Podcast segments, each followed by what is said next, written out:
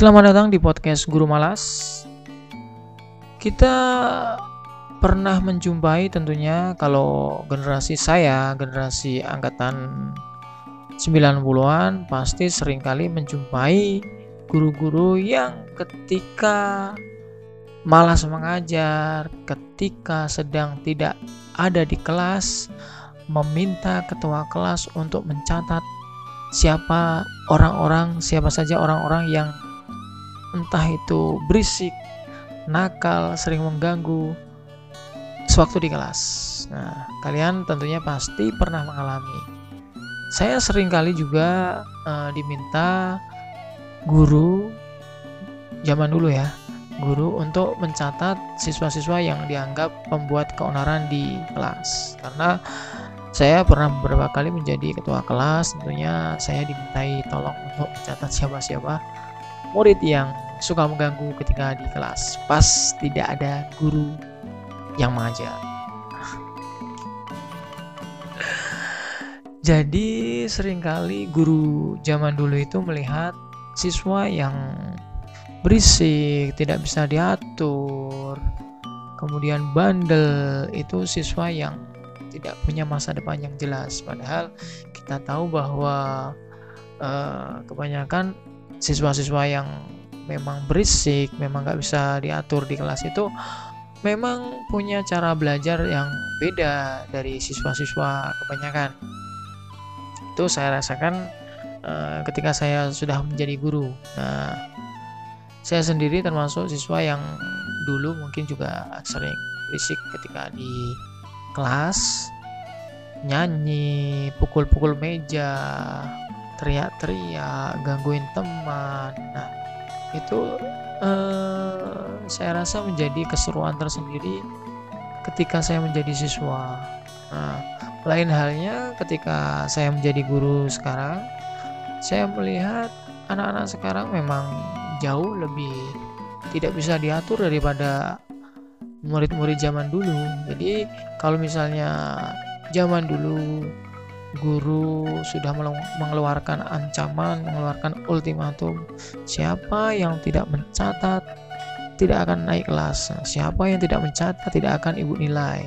Siapa yang tidak mencatat tidak boleh pulang duluan. Nah, itu sudah menjadi ancaman yang serius bagi murid-murid zaman dulu. Namun berbeda dengan murid-murid zaman sekarang yang saya temui, ya, siswa sekarang uh, meskipun ada beberapa yang masih sama dengan murid-murid zaman dulu rajin mencatat ketika diingatkan langsung diam. Namun banyak juga siswa yang nggak mau tahu apa yang dibilang oleh guru. Mereka uh, enggan mencatat kemudian masih tetap ngobrol sendiri ketika tidak ada guru. Nah ini membuat Eh, guru-guru uh, sekarang ya harus menyesuaikan dengan tingkah laku murid sekarang. Jadi guru sekarang tidak boleh uh, memandang siswa yang memang tidak bisa diatur di sekolah itu sebagai siswa yang uh, siswa yang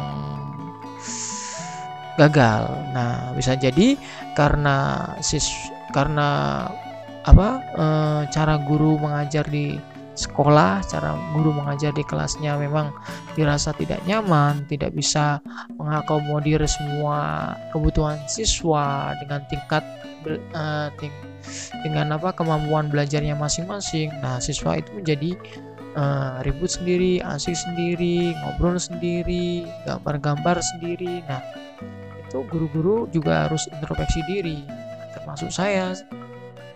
Saya bukan guru yang sempurna. Bahkan kalau dibanding dengan teman-teman yang lain saya bisa dibilang guru yang paling malas jarang inovasi dan bukan guru yang baik lah. Cenderung galak kepada siswa pemarah itu sudah menjadi ciri khas saya ketika dalam mengajar.